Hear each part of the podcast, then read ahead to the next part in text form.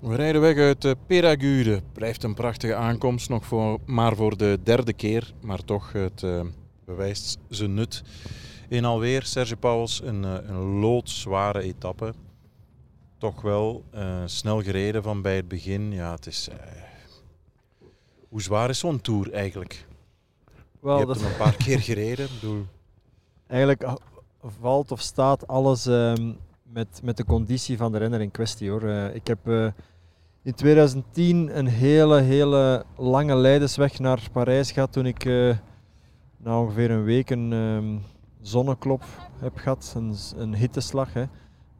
Um, en uh, ja, dan was het gewoon aanklampen van Gruppetto naar Gruppetto. Uh, ja, spartelen tot in Parijs. Maar ik heb ook dagen gehad dat ik ja, hoopte dat zo'n Tour de France nog een paar dagen langer zou duren. Dus ja, om op de vraag te antwoorden hoe zwaar zo'n tour is. En natuurlijk is die heel zwaar, maar het hangt er gewoon vanaf ja, hoe goed je je nog voelt in die derde week. En dat heeft dan weer te maken met hoeveel energie dat je al hebt uitgegeven in die eerste en die tweede week. Um, maar in elk geval, vandaag, ja, het was weer een, eh, een hele snelle aanloop. De eerste uur um, ongeveer een vijftigtal kilometer naar de voet van de Aspin weinig renners die echt weggeraakten. Hè. Dat was ook een beetje voorspeld of een beetje verwacht. Um, brede wegen, moeilijk om uh, als het peloton 50 per uur rijdt om dan nog sneller te rijden dan, uh, dan zo'n jagend peloton. Um, en dan ja, een opeenvolging van vier beklimmingen.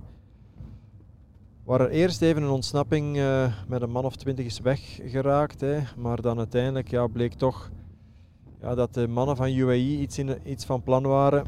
In eerste instantie voor een aanval op, uh, op de gele trui van Vingegaard. Maar uh, ook met de bedoeling om toch ja, de rit te kunnen winnen. En, uh, en in één van die twee opzetten zijn ze wel geslaagd vandaag. Ja, met mededogen van Jonas Vingegaard, kun, kun je zeggen hè? Ja, Vingegaard heeft natuurlijk vooral in de verdediging gereden vandaag. Maar hij was heel goed. Uh, Pogacar was ook heel goed, maar net niet goed genoeg om, uh, om het verschil te maken. Dat was wel duidelijk. Hè. Die, die twee zijn gewoon... Ja, er is geen halve procent verschil tussen uh, Vingegaard en, en Pogacar. Zo aan elkaar gewaagd zijn ze. Doet je dat denken aan ja, een periode terugkijkend, de, de heerschappij van Contador, van Chris Froome? Die heeft toch altijd één iemand min of meer bovenuit gestoken. En nu heb je twee vedetten die, ja, gelijk vandaag ook, je zei het ook in de rechtstreekse van uh, de radio, er is, normaal gezien komen die mannen zo ja, drie, vier meter van elkaar binnen, elkaar de duvel aandoen. Ja. Maar ja, het is net geen fotofinish bergop, zo ja, dicht bij elkaar. Inderdaad, de, het laatste rechtstreekse duel dat ik me zo kan herinneren, dat een beetje doet terugdenken aan die tweestrijd, is misschien wel... Uh, dat in de Tour van 2007, denk ik dat het was, tussen Rasmussen en uh, Contador, nog voor Rasmussen dan uiteindelijk de Tour moest verlaten, hè, door die, mm -hmm. ja, dat geval uh, met die, uh, ja, inderdaad. Um, maar hier, ja, die, die twee zijn echt, ja, enkel op dat gevalletje van de Col du Granon na, zijn ze elke dag bijna aan elkaar gewaagd geweest. En ja, dan moet je eigenlijk ook luid op de vraag durven stellen. Stel dat uh, Pogacar niet die crisis had gehad hè, op uh, Col du Granon, ja, dan stonden ze nu wellicht uh, binnen de 30 seconden van elkaar nog altijd. Hè. Ja, dat gevalletje gaat uiteindelijk wel beslissend blijken te zijn. Hè? Ja, daar ziet het naar uit. Um, vandaag was het een beetje wachten op Godot en, en we wachten natuurlijk morgen opnieuw. Hè. We gaan opnieuw een beetje in spanning blijven en weer hopen dat er een strijd komt of dat er ja, nog iets of wat van spanning in de Tour komt. En dat kan nog altijd. Alleen neem je elke dag weer mee um, ja, wat er al gebeurd is. En vandaag is er weer die bevestiging gekomen ja, dat ze gewoon aan elkaar gewaagd zijn en dat het moeilijk zal zijn om, uh, om verschillen te maken. Onderweg, vooraleer dat we gingen beginnen aan de reet onder leiding van uh, de heer McNulty, wat viel je tot dan op? Wat er opviel was dat er um, ja, Mikkel Bjerg. Ja, die was eigenlijk uh, heel sterk. Uh, want uiteindelijk, uh, nog voordat dat, uh, McNulty begon te rijden, ja, dan leek het erop alsof dat, de mannen van UAE vandaag gewoon gingen volgen en eigenlijk te weinig pionnen gingen hebben om iets te ondernemen. Maar dan vanaf dat Bjerg is beginnen rijden, ja, dan is het toch wel een beetje gekeerd. Hè.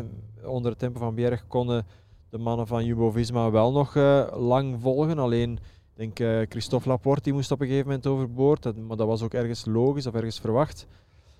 Maar dan vanaf dat uh, McNulty begon te rijden op de voorlaatste beklimming, um, ja, dan gingen ze één voor één overboord en was het plots uh, die in de meerderheid was ten opzichte van de mannen van Jumbo-Visma, die enkel nog uh, Vingegaard hadden helemaal op het laatste. En Sepp Koes was de laatste die overboord moest.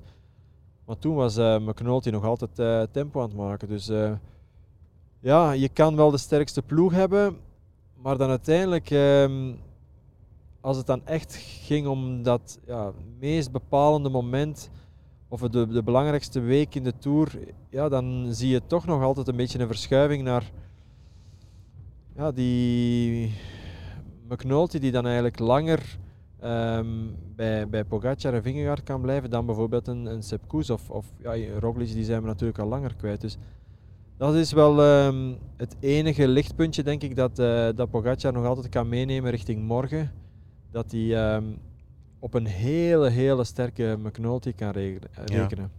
Is dat verbazingwekkend te noemen wat die Amerikaan hier vandaag doet? Want nog niet gezien in de Tour. Hè? Ik bedoel, van zo'n koers weten we vorig jaar gewonnen in de Andorra. Dat is niet de eerste keer dat we die uh, stevig bergop zien rijden. En, en Kruiswijk kan dat ook. Maar zo'n McNulty, ja, hij doet hier het hele peloton, hij en hij alleen, de das om, behalve de grote twee. Ja, het, is wel, het was uiteraard heel, heel sterk, maar het is ook geen hele grote verrassing. Hè. McNulty is wel een heel goed renner. Hij heeft ook al eens uh, leider geweest in de ronde van Baskeland tot op de laatste dag. En dat wordt gezegd als een van de, ja, een van de zwaarste rittenkoersen die er uh, zijn van een week of minder. Dus uh, ja, heeft, zijn werk is misschien een beetje ook um, minder opvallend geweest hè, in die dagen toen uh, UAE de gele trui moest verdedigen. Hè, de dagen dat uh, Pogacar wel in het geel stond. Omdat de ploeg in het algemeen uh, niet zo sterk was en McNulty misschien toen, toen al het leeuwendeel van het werk gedaan heeft. Was ook gisteren mee in die lange ontsnapping. Heeft dan boven gewacht op Pogacar. Terwijl hij misschien zelf de rit had kunnen winnen. Dus dat zijn allemaal elementen ja, die ervoor zorgen dat het niet altijd zichtbaar is hoe sterk dat zo'n uh, zo'n knecht is. Uh, maar vandaag, wat hij vandaag deed, ja, hij lost niet alleen die andere mannen van het klassement, maar hij rijdt ze ook op een, op een stevige achterstand, hè, helemaal alleen. Want ja, iemand als uh, Quintana verliest meer dan drie minuten, dacht ik. Ja. Nu, persoonlijk een van mijn belangrijkste adagium in de koers als verslaggever is altijd, of in de topsport, je moet altijd maar kunnen. Het is heel makkelijk van aan de zijlijn te zeggen en nu moet je demareren.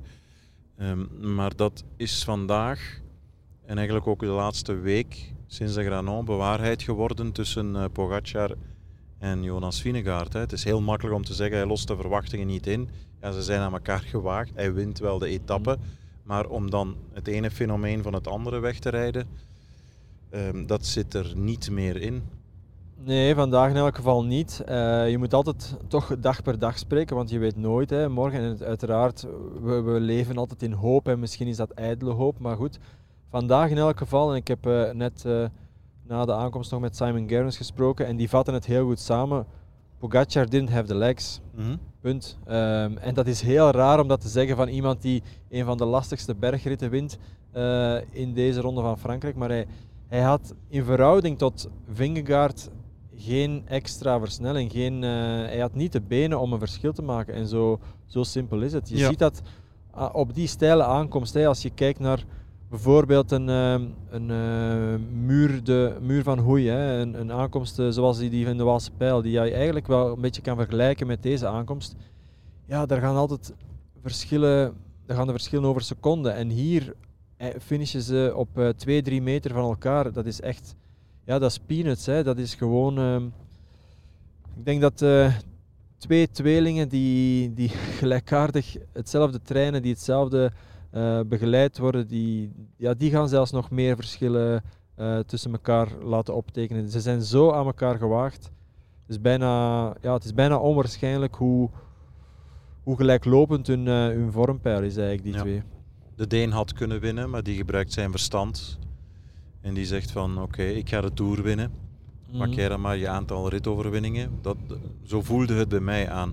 Ja, ik denk niet dat hij ehm, op 250 meter van de meet Pogacar nog heeft laten winnen. Hij had misschien wel iets kunnen proberen van verder, maar dat ga je dan natuurlijk niet doen, want je wil helemaal als gele trui je niet belachelijk maken en dan op een counter lopen van eh Pogacar. Dus hij moest alleen maar verdedigen. En als het dan gaat om een inspanning van, eh, ja, van 250 meter, ja, dan is eh Pogacar altijd wel de meest explosieve. Dat hebben we al een paar keer gezien. Ehm, dus dan was het wel logisch dat eh Vingegaard eh, geklopt werd. Ehm, Nu zit het op slot. Ja. Wel, morgen Maar gaat je moet gewoon... beginnen denken richting COVID en zo, maar ja, dat zijn externe Nee, nee, nee, factoren, nee, daar maar- mag je niet aan denken. Dus, eh, op, onderschat ook morgen niet. Hè. Ehm, twee calls van buitencategorie. Eén van eerste categorie. Vandaag was, waren het enkel calls van eerste categorie.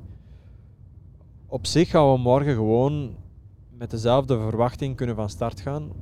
Uiteraard nemen we mee wat we vandaag gezien hebben en verwachten we dan weer dat er niets gaat gebeuren.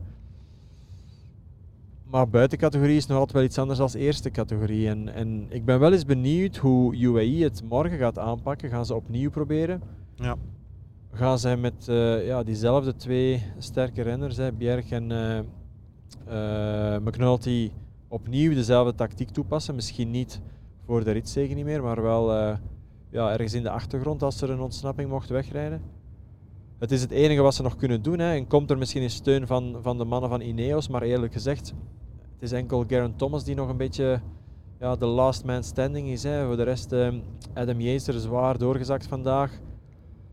Ehm, dus Maar als je nu manager en ploegleider bent bij de Emiraten en je ziet wat je ziet en misschien aan tafel vanavond zegt Pogacar, wow, Brandon, you were too strong for me. Moet je dan morgen ook nog een plan gaan maken of proberen te maken om, om eh, Vingegaard aan te vallen als je voelt, eerlijkheidshalve als atleet van ja, ik zit hier aan mijn, aan, aan mijn limiet, 2 minuten 20, dat, dat gaat nooit lukken. ja, maar Hoe ze zou jij zitten, dat aanpakken? ze zitten allebei aan hun limiet, hè. dat moet je ook weten. En Ja. op het moment dat Vingegaard is aangegaan op de Col de Granon, was hij ook niet zeker dat Pogacar ging lossen. Hè. Hij heeft enkel maar eh, ja, geprobeerd in de wetenschap van ja, je weet maar nooit.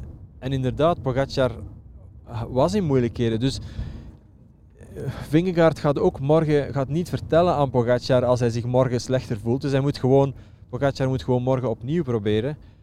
En gewoon hopen eh, ja, dat er een, een, een, een deukje in dat panzer komt van eh Vingegaard. Maar natuurlijk gaat hij dat op voorhand niet weten. En mag hij er ook niet van uitgaan dat het, eh, dat het niet gaat lukken. Hij moet gewoon, eh, hij moet gewoon proberen. Als hij nog eh, ja, gelijkaardige benen heeft morgen, moet hij gewoon opnieuw proberen. Ik ga je een vraag stellen, een beetje los van de koers. Daar straks had willen stellen tijdens de radio-uitzending, maar dat is eh, niet gelukt omdat we hier een paar keer, wat heet, een paar keer, we zien hier eigenlijk voor het grote publiek de ontbolstering van het talent Quinn Simmons. Hij is eh, piepjong, eh, vergelijkbaar met Evenepoel qua, qua leeftijd. In het Ja. geval van Evenepoel zeggen we heel vaak, ja, rustig, hè, eerst Giro proberen. En nadien is dan ook binnen het team zelf in de entourage gezegd, hadden we misschien beter niet gedaan. Dit jaar volgt de Vuelta. Deze Simmons, deze Amerikaan, gaat bijna om de twee dagen mee in, eh, in de aanval. Bij de ene zeggen we, wow, wow, goed. Bij de andere, rustig, rustig. Jij bent eh, development coach bij de federatie met jonge gasten. Ja. Hoe bekijk je dat? Is dat? Wordt Simmons te vroeg voor de leeuwen gegooid en gaat hij zijn carrière later daarvan afzien van zo'n zware ronde van Frankrijk? Wat is de goede, juiste aanpak? Wel, ik denk dat dat geval per geval moet bekeken worden. En de reden waarom dat, dat niet met Remco gedaan wordt nu, is natuurlijk enerzijds zijn voorgeschiedenis met die, ja, laten we zeggen, als je dat zo mag noemen, een, een minder gelukte Giro hè, vorig jaar, hè, waar het verwachtingspatroon eh, veel hoger lag.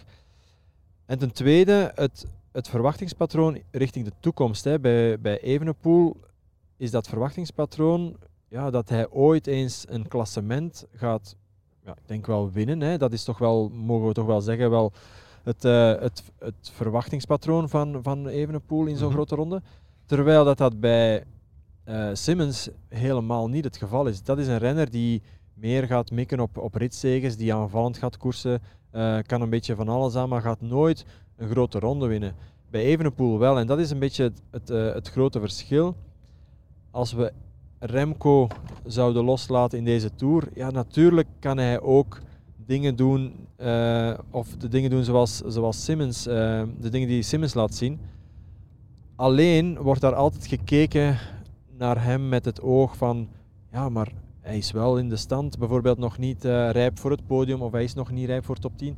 En er wordt altijd zo um, die projectie gemaakt van Remco is nog niet um, klaar bijvoorbeeld voor een grote ronde uh, te winnen. Of, of, dus altijd, um, dat gaat er altijd meespelen, denk ik. En, en uh, dat is de reden waarom ze nu nog wachten en stap voor stap opbouwen. Hè. Nu eerst de Vuelta.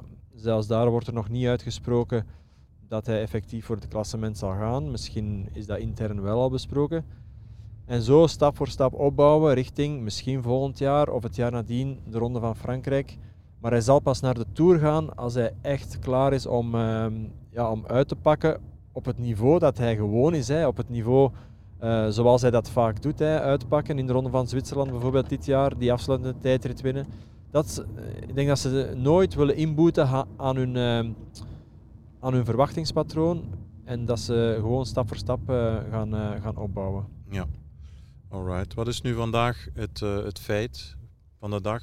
Twee gasten die een ongekend niveau etaleren. Het feit dat Jumbo-Visma op de voorlaatste klim al geïsoleerd zat of uh, weggefietst was, was. Ja, het feit dat uh, Vinegaard heel goed verdedigt en alles onder controle heeft. Um, ja, ja um, vooral het feit dat ze heel erg aan elkaar gewaagd zijn. En, en eigenlijk ook tegelijkertijd in een, in een andere league fietsen. Hè. Um, vanaf het moment dat uh, Pogacar versnelt, um, en zelfs vandaag McNulty, ja, die, die moeten we daar vandaag zeker bij rekenen, ja, is eigenlijk al de rest van de, van de top 10 wordt weggereden. Hè. En dat zijn nogthans ook stuk voor stuk goede renners. Dus um, die twee, ja, zij fietsen eigenlijk uh, op een ander niveau dan de rest. Alleen is het jammer dat, ja, dat zij zo weinig... Uh, ja, van elkaar uh, verschillen in, in, in conditie en dat, zij, ja, dat er geen enkel moment is waarop uh, de ene de andere kan, uh, kan lossen. Ja. Nog één dingetje over klimtijden en zo. Ik zie voorbij komen dat er een nieuw record gevestigd is op de voorlaatste col, de col de Valouron Azé. Ja. Dat het trio McNulty, Pogacar en Vinekaart sneller heeft geklommen dan Pantani, Ulrich en Viranke in 1997. Ja. Wat moeten we daaruit afleiden? Of kunnen we daar iets uit afleiden? Wel, ik, ik weet niet in welke omstandigheden dat die klim toen uh, beklommen is, of dat dat een slotklim was en of dat dat uh, ja, in het heetst van de strijd was. Vandaag in elk geval natuurlijk wel, hè, want uh, ja, het was een, ja, volop die voorbereiding van die aanval van Pogacar, dus het was echt wel full gas. Er zat ook nog maar een, ja, een drietal man samen op de top. Dus het was zeker een hele snelle tijd. Anderzijds, als je dan gaat kijken naar de laatste tijd, uh, of de laatste beklimming, ja, die werd toch een minuut of twee trager gereden dan, dan verwacht was. Hè. Dus het hangt soms ervan af waar de klemtoon ligt hè, van, uh, van de koers. Uh, hier in dit geval lag dat echt op die, op die voorlaatste klim, op die Valouron. Um, maar om te vergelijken met 97 is dat misschien een beetje moeilijk, omdat ik niet weet um, ja, wanneer toen die beklimming lag. Um, het is iets meer zeggend als je gaat kijken naar, naar de cijfers, naar um, wattages per kilogram lichaamsgewicht. Uh, maar daar zullen ze inderdaad wel een, uh, een stukje boven, boven de 6 watt per kilogram uh, ja. zullen gereden hebben, denk ik. Alright, dankjewel Serge Pauls. Tot morgen op de top van Otakam. Tot morgen.